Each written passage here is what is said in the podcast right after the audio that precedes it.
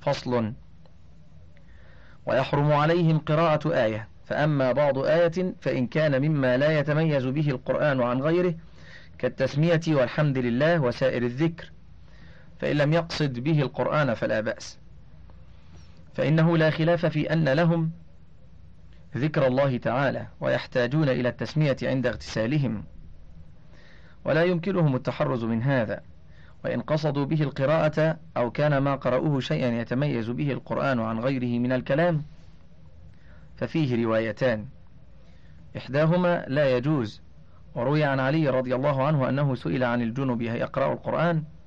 فقال لا ولا حرفا وهذا مذهب الشافعي لعموم الخبر في النهي ولأنه قرآن فمنع من قراءته كالآية. والثانية لا يمنع منه. وهو قول أبي حنيفة لأنه لا يحصل به الإعجاز ولا يجزئ في الخطبة ويجوز إذا لم يقصد به القرآن وكذلك إذا قصد.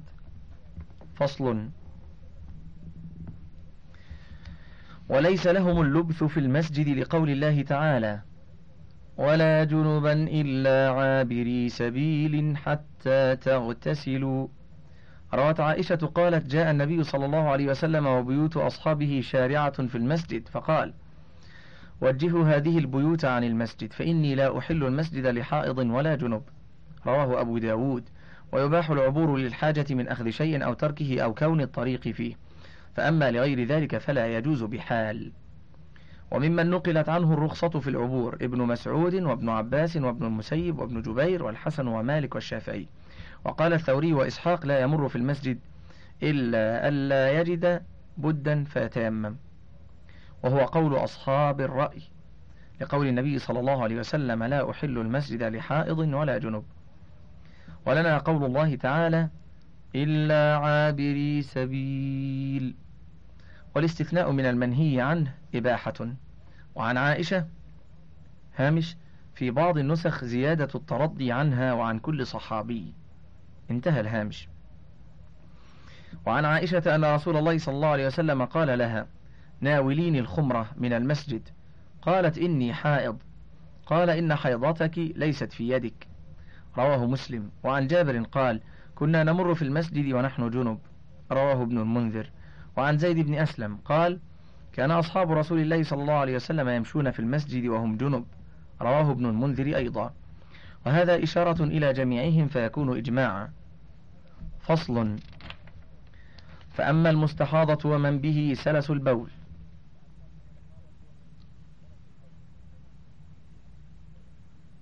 عزيزي المستمع جاء في هامش التعليق عن على كلمة الخمرة الخمرة بضم المعجمة شبه حصيرة يصلى عليها. وقد سبق هذا من قبل. انتهى الهامش. فصل. فأما المستحاضة ومن به سلس البول فلهم اللبث في المسجد والعبور إذا أمنوا تلويث المسجد. لما روي عن عائشة أن امرأة من أزواج رسول الله صلى الله عليه وسلم اعتكفت معه وهي مستحاضة فكانت ترى الحمرة والصفرة وربما وضعت الطست تحتها وهي تصلي رواه البخاري.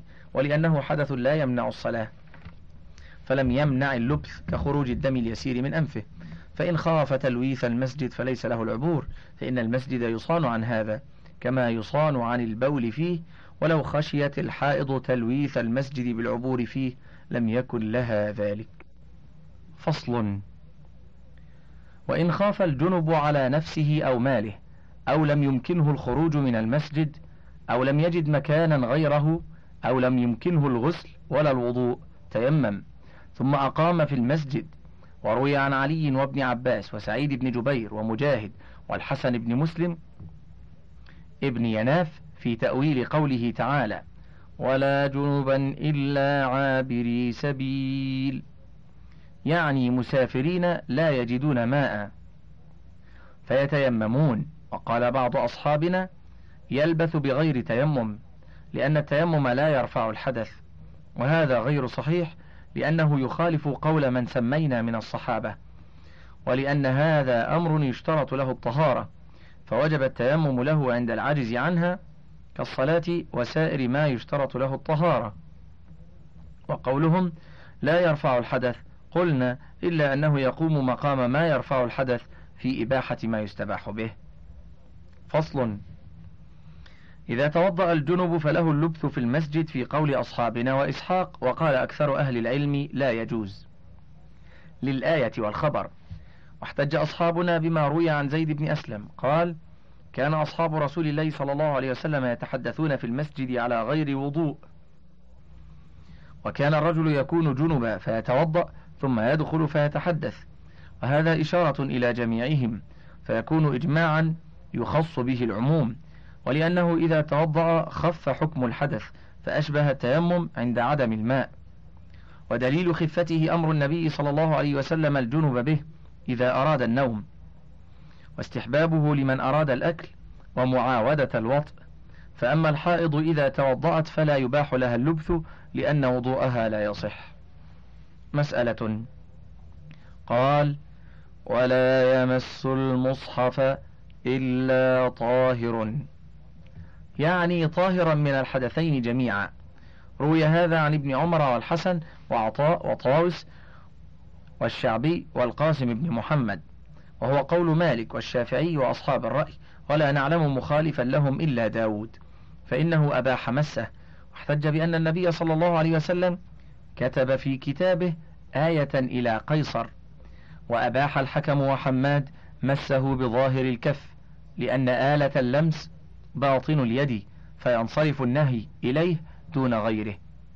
ولنا قوله تعالى لا يمسه إلا المطهرون. وفي كتاب النبي صلى الله عليه وسلم لعمرو بن حزم ألا يمس القرآن إلا طاهر وهو كتاب مشهور رواه أبو عبيد في فضائل القرآن وغيره ورواه الأثرم. فأما الآية التي كتب بها النبي صلى الله عليه وسلم فإنما قصد بها المراسلة. والآية في الرسالة أو في كتاب فقه أو نحوه لا تمنع مسه ولا يصير الكتاب بها مصحفا ولا تثبت له حرمته. إذا ثبت هذا فإنه لا يجوز له مسه بشيء من جسده لأنه من جسده فأشبه يده. وقولهم إن المس إنما يختص بباطن اليد ليس بصحيح فإن كل شيء لاقى شيئا فقد مسه هامش في الاستدلال بالآية نظر آية لا يمسه إلا المطهرون.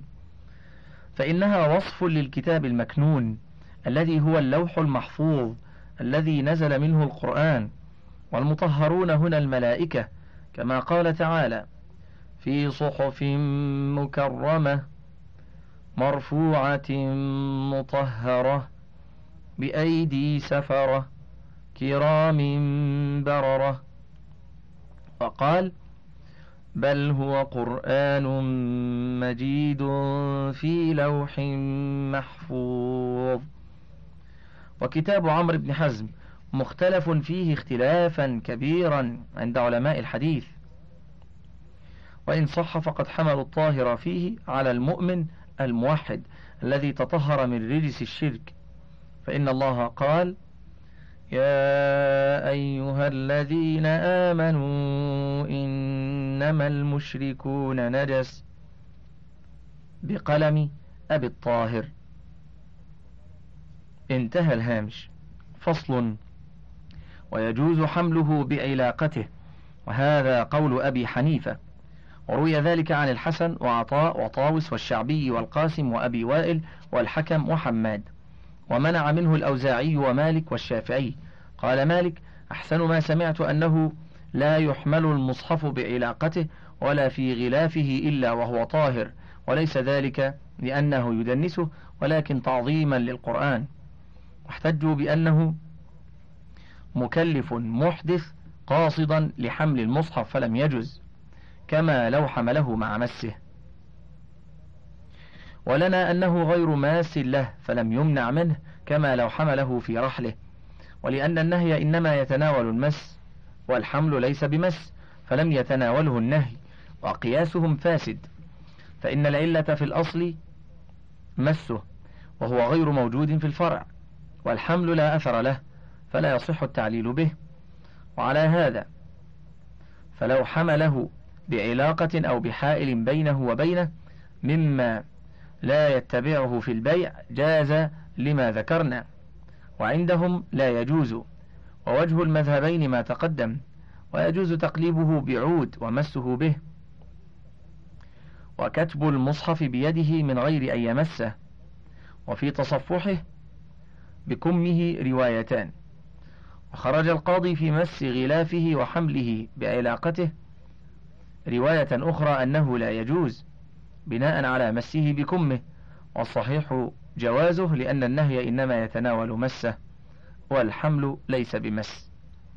فصل. ويجوز مس كتب التفسير والفقه وغيرها والرسائل وإن كان فيها آيات من القرآن بدليل أن النبي صلى الله عليه وسلم كتب إلى قيصر كتابا فيه آية ولأنها لا يقع عليها اسم مصحف ولا تثبت لها حرمته. وفي مس صبيان الكتاتيب ألواحهم التي فيها القرآن وجهان. أحدهما الجواز لأنه موضع حاجة فلو اشترطنا الطهارة أدى إلى تنفيرهم عن حفظه. والثاني المنع لدخولهم في عموم الآية. وفي الدراهم المكتوب عليها القرآن وجهان أحدهما المنع وهو قول أبي حنيفة. وكرهه عطاء والقاسم والشعبي لأن القرآن مكتوب عليها فأشبهت الورق. والثاني الجواز لأنه لا يقع عليها اسم المصحف فأشبهت كتب الفقه ولأن في الاحتراز منها مشقة أشبهت ألواح الصبيان. فصل. وإن احتاج المحدث إلى مس المصحف عند عدم الماء تيمم وجاز مسه. ولو غسل المحدث بعض أعضاء الوضوء لم يجز له مسه به قبل إتمام وضوئه لأنه لا يكون متطهرا إلا بغسل الجميع. فصل. ولا يجوز المسافرة بالمصحف إلى دار الحرب لما روى ابن عمر قال قال رسول الله صلى الله عليه وسلم لا تسافروا بالقرآن إلى أرض العدو مخافة أن تناله أيديهم. باب الاستطابة والحدث. الصفحة التاسعة والأربعون والمئة. الاستطابة هي الاستنجاء بالماء أو بالأحجار. يقال استطاب وأطاب إذا استنجى. سمي استطابة لأنه يطيب جسده بإزالة الخبث عنه. قال الشاعر يهجو رجلا يا رخما قاض على عرقوب يعجل كف الخارئ المطيب. والاستنجاء استفعال من نجوت الشجرة أي قطعتها. فكأنه قطع الأذى عنه. وقال ابن قتيبة ومأخوذ من النجوة. وهي ما ارتفع من الأرض. لأن من أراد قضاء الحاجة استتر بها. والاستجمار استفعال من الجمار. وهي الحجارة الصغار لأنه يستعملها في استجماره. مسألة قال وليس على من نام أو خرجت منه ريح استنجاء. ولا نعلم في هذا خلافا. قال أبو عبد الله ليس في الريح استنجاء في كتاب الله ولا في سنة رسوله إنما عليه الوضوء. وقد روي عن النبي صلى الله عليه وسلم من استنجى من ريح فليس منا. رواه الطبراني في معجمه الصغير. وعن زيد بن أسلم في قوله تعالى إذا قمتم إلى الصلاة فاغسلوا وجوهكم. إذا قمتم من النوم ولم يأمر بغيره فدل على أنه لا يجب ولأن الوجوب من الشرع ولم يرد بالاستنجاء ها هنا نص ولا هو في معنى المنصوص عليه لأن الاستنجاء إنما شرع لإزالة النجاسة ولا نجاسة ها هنا. مسألة قال والاستنجاء لما خرج من السبيلين. هذا فيه إضمار وتقديره والاستنجاء واجب. فحذف خبر الابتداء اختصارا وأراد ما خرج غير الريح لأنه قد بين حكمها. وسواء كان الخارج معتادا كالبول والغائط أو نادرا كالحصى والدود والشعر رطبا أو يابسا. ولو احتقن فرجعت أجزاء خرجت من الفرج أو وطئ رجل امرأته دون الفرج فدب ماؤه إلى فرجها ثم خرج منه فعليهما الاستنجاء على ظاهر كلام الخرقي. وقد صرح به القاضي وغيره ولو أدخل الميل في ذكره ثم أخرجه لزمه الاستنجاء لأنه خارج من السبيل فأشبه الغائط المستحجر. والقياس ألا يجب من ناشف لا ينجس المحل للمعنى الذي ذكرنا في الريح وهو قول الشافعي. وهكذا الحكم في الطاهر. وهو المني إذا حكمنا بطهارته. والقول بوجوب الاستنجاء في الجملة قول أكثر أهل العلم. وحكي عن ابن سيرين في من صلى بقوم ولم يستنج لا أعلم به بأسا. وهذا يحتمل أن يكون في من لم يلزمه الاستنجاء كمن لزمه الوضوء لنوم أو خروج ريح أو من ترك الاستنجاء ناسيا فيكون موافقا لقول الجماعة. ويحتمل أنه لم يرى وجوب الاستنجاء وهذا قول أبي حنيفة لقول النبي صلى الله عليه وسلم من استجمر فليوتر ومن فعل فقد أحسن ومن لا فلا حرج رواه أبو داود ولأنها نجاسة يكتفى فيها بالمسح فلم تجب إزالتها كيسير الدم. ولنا قول النبي صلى الله عليه وسلم إذا ذهب أحدكم إلى الغائط فليذهب معه بثلاثة أحجار فإنها تجزئ عنه. رواه أبو داود. وقال لا يستنجي أحدكم بدون ثلاثة أحجار. رواه مسلم.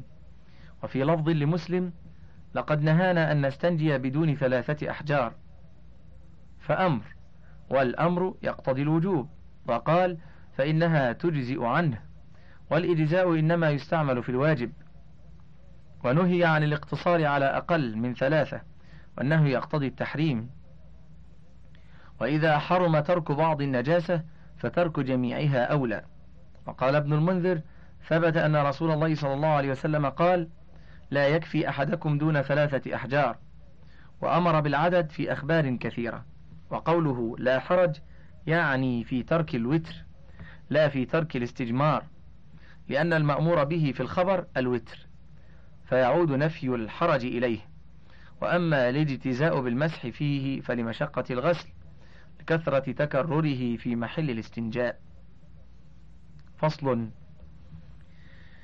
وهو مخير بين الاستنجاء بالماء أو الأحجار في قول أكثر أهل العلم. وحكي عن سعد بن أبي وقاص وابن الزبير أنهما أنكرا الاستنجاء بالماء. وقال سعيد بن المسيب وهل يفعل ذلك إلا النساء؟ وقال عطاء غسل الدبر محدث وكان الحسن لا يستنجي بالماء. وروي عن حذيفة القولان جميعا وكان ابن عمر لا يستنجي بالماء ثم فعله. وقال لنافع جربناه فوجدناه صالحا. وهو مذهب رافع بن خديج وهو الصحيح. لما روى أنس قال كان النبي صلى الله عليه وسلم يدخل الخلاء فأحمل أنا وغلام نحوي إداوة من ماء وعنزة فيستنجي بالماء. متفق عليه. وعن عائشة أنها قالت مرن أزواجكن أن يستطيبوا بالماء فإني أستحييهم. وإن رسول الله صلى الله عليه وسلم كان يفعله. قال الترمذي هذا حديث صحيح. رواه سعيد وروى أبو هريرة عن النبي صلى الله عليه وسلم قال نزلت هذه الآية في أهل قباء. فيه رجال يحبون أن يتطهروا. قال كانوا يستنجون بالماء فنزلت هذه الآية فيهم. رواه أبو داود وابن ماجه. ولأنه يطهر المحل ويزيل نجاسة فجاز كما لو كانت النجاسة على محل آخر. فإن أراد الاقتصار على أحدهما فالماء أفضل لما روينا من الحديث ولأنه يطهر المحل ويزيل العين والأثر وهو أبلغ في التنظيف. وإن اقتصر على الحجر أجزأه بغير خلاف بين أهل العلم لما ذكرنا من الأخبار ولأنه إجماع الصحابة رضي الله عنهم. والأفضل أن يستجمر بالحجر ثم يتبعه الماء. قال أحمد إن جمعهما فهو أحب إلي لأن عائشة قالت مرن أزواجكن أن يتبعوا الحجارة الماء من أثر الغائط والبول فإني أستحييهم كان النبي صلى الله عليه وسلم يفعله. احتج به أحمد ورواه سعيد ولأن الحجر يزيل عين النجاسة فلا تصيبها يده ثم يأتي بالماء فيطهر المحل فيكون أبلغ في التنظيف وأحسن. مسألة قال فإن لم يعدوا مخرجهما أجزأه ثلاثة أحجار. إذا أنقى بهن فإن أنقى بدون الثلاثة لم يجزه حتى يأتي بالعدد. وإن لم ينقي بالثلاثة زاد حتى ينقي. قوله يعدو مخرجهما يعني الخارجين من السبيلين إذا لم يتجاوزا مخرجهما. يقال عداك الشر. أي تجاوزك. والمراد والله أعلم إذا لم يتجاوز المخرج بما لم تجري العادة به فإن اليسير لا يمكن التحرز منه والعادة جارية به. فإذا كان كذلك فإنه يجزئه ثلاثة أحجار منقية. ومعنى الإنقاء إزالة عين النجاسة وبلتها بحيث يخرج الحجر نقيا وليس عليه أثر إلا شيئا يسيرا. ويشترط الأمران جميعا. الإنقاء وإكمال الثلاثة. أيهما وجد دون صاحبه لم يكفي. وهذا مذهب الشافعي وجماعة. وقال مالك وداود الواجب الإنقاء دون العدد. لقوله صلى الله عليه وسلم من استجمر فليوتر. من فعله فقد أحسن ومن لا فلا حرج. ولنا قول سلمان لقد نهانا يعني النبي صلى الله عليه وسلم أن نستنجي بأقل من ثلاثة أحجار. وما ذكرنا من الأحاديث وحديثهم قد أجبنا عنه فيما مضى. فصل. وإن زاد على الثلاثة استحب ألا يقطع إلا على وتر لقوله صلى الله عليه وسلم من استجمر فليوتر. متفق عليه. فيستجمر خمسا أو سبعا أو تسعا أو ما زاد على ذلك. فإن اقتصر على شفع منقية فيما زاد على الثلاثة جاز. لقوله صلى الله عليه وسلم ومن لا فلا حرج. فصل. وكيفما حصل الإنقاء في الاستجمار أجزاءه. وذكر القاضي أن المستحب أن يمر الحجر الأول من مقدم صفحته اليمنى إلى مؤخرها ثم يديره على اليسرى ثم يرجع به إلى الموضع الذي بدأ منه ثم يمر الثاني من مقدم صفحته اليسرى كذلك. ثم يمر الثالث على المسربة والصفحتين لقول النبي صلى الله عليه وسلم أولا يجد أحدكم حجرين للصفحتين وحجرا للمسربة؟ رواه الدار قطني وقال إسناده حسن. وينبغي أن يعم المحل بكل واحد من الأحجار لأنه إذا لم يعم به كان ذلك تلفيقا فيكون بمنزلة مسحة واحدة ولا يكون تكرارا. ذكر هذا الشريف أبو جعفر وابن عقيل وقال معنى الحديث البداية بهذه المواضع. ويحتمل أن يجزئه لكل جهة مسحة لظاهر الخبر والله أعلم. فصل ويجزئه الاستجمار في النادر كما يجزئ في المعتاد.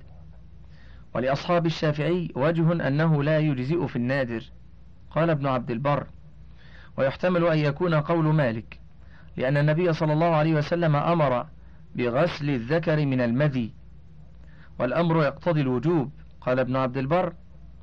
واستدلوا بأن الآثار كلها على اختلاف ألفاظها وأسانيدها.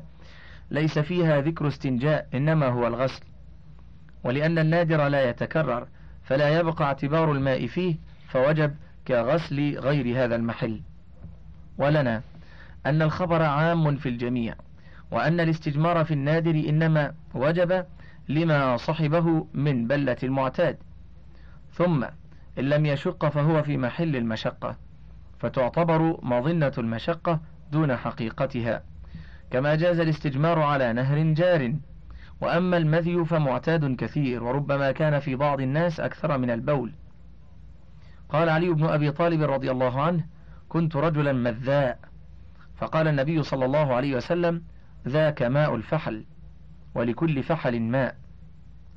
وقال سهل بن حنيف كنت رجلا مذاء فكنت أكثر منه الاغتسال ولهذا أوجب مالك منه الوضوء وهو لا يوجبه من النادر فليس هو من مسألتنا.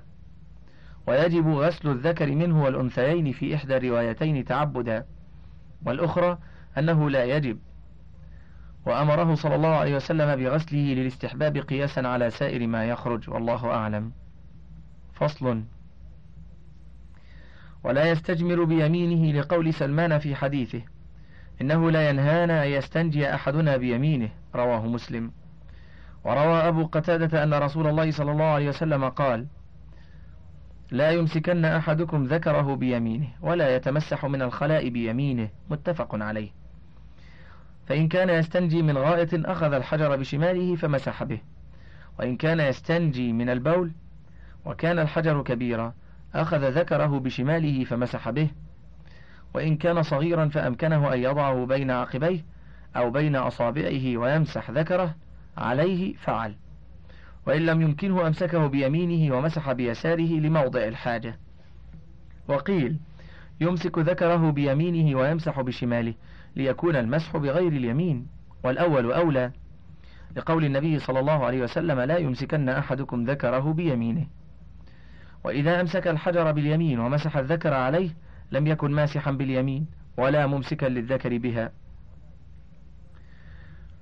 وإن كان أقطع اليسرى أو بها مرض استجمر بيمينه للحاجة ولا يكره الاستعانة بها في الماء. لأن الحاجة داعية إليه. وإن استجمر بيمينه مع الغنى عنه أجزأه في قول أكثر أهل العلم. وحكي عن بعض أهل الظاهر أنه لا يجزئه لأنه منهي عنه. فلم يفد مقصوده كما لو استنجى بالروث والرمة. فإنه فإن النهي يتناول الأمرين والفرق بينهما أن الروث آلة الاستجمار المباشرة للمحل وشرطه فلم يجز استعمال المنهي عنه فيها. واليد ليست المباشرة للمحل ولا شرطا فيه إنما يتناول بها الحجر الملاقي للمحل فصار النهي عنها نهي تأديب لا يمنع الإجزاء. فصل ويبدأ الرجل في الاستنجاء بالقبل لئلا تتلوث يده إذا شرع في الدبر لأن قبله بارز تصيبه اليد إذا مدها إلى الدبر. والمرأة مخيرة في البداية بأيهما شاءت لعدم ذلك فيها. ويستحب أن يمكث بعد البول قليلا ويضع يده على أصل الذكر من تحت الأنثيين ثم يسلته إلى رأسه فين فينثر ذكره ثلاثة برفق. قال أحمد إذا توضأت فضع يدك في سفلتك ثم اسلت ما ثم حتى ينزل. ولا تجعل ذلك من همك ولا تلتفت إلى ظنك. وقد روى يزداد اليماني قال قال رسول الله صلى الله عليه وسلم إذا بال أحدكم فلينثر ذكره ثلاث مرات. رواه الإمام أحمد. وإذا استنجى بالماء ثم فرغ استحب له دلك يده بالأرض. لما روي عن ميمونة أن النبي صلى الله عليه وسلم فعل ذلك. رواه البخاري. وروي أن النبي صلى الله عليه وسلم قضى حاجته ثم استنجى من تور ودلك يده بالأرض. أخرجه ابن ماجه. وإن استنجى عقب انقطاع البول جاز لأن الظاهر انقطاعه. وقد قيل إن الماء يقطع البول. ولذلك سمي الاستنجاء انتقاص الماء. ويستحب أن ينضح على فرجه وسراويله ليزيل الوسواس عنه. قال حنبل سألت أحمد قلت أتوضأ وأستبرئ وأجد في نفسي أني قد أحدثت بعده. قال إذا توضأت فاستبرئ ثم خذ كفا من ماء فرشه على فرجك ولا تلتفت إليه فإنه يذهب إن شاء الله. وقد روى أبو هريرة أن النبي صلى الله عليه وسلم قال جاءني جبريل فقال يا محمد إذا توضأت فانتضح. وهو حديث غريب. مسألة.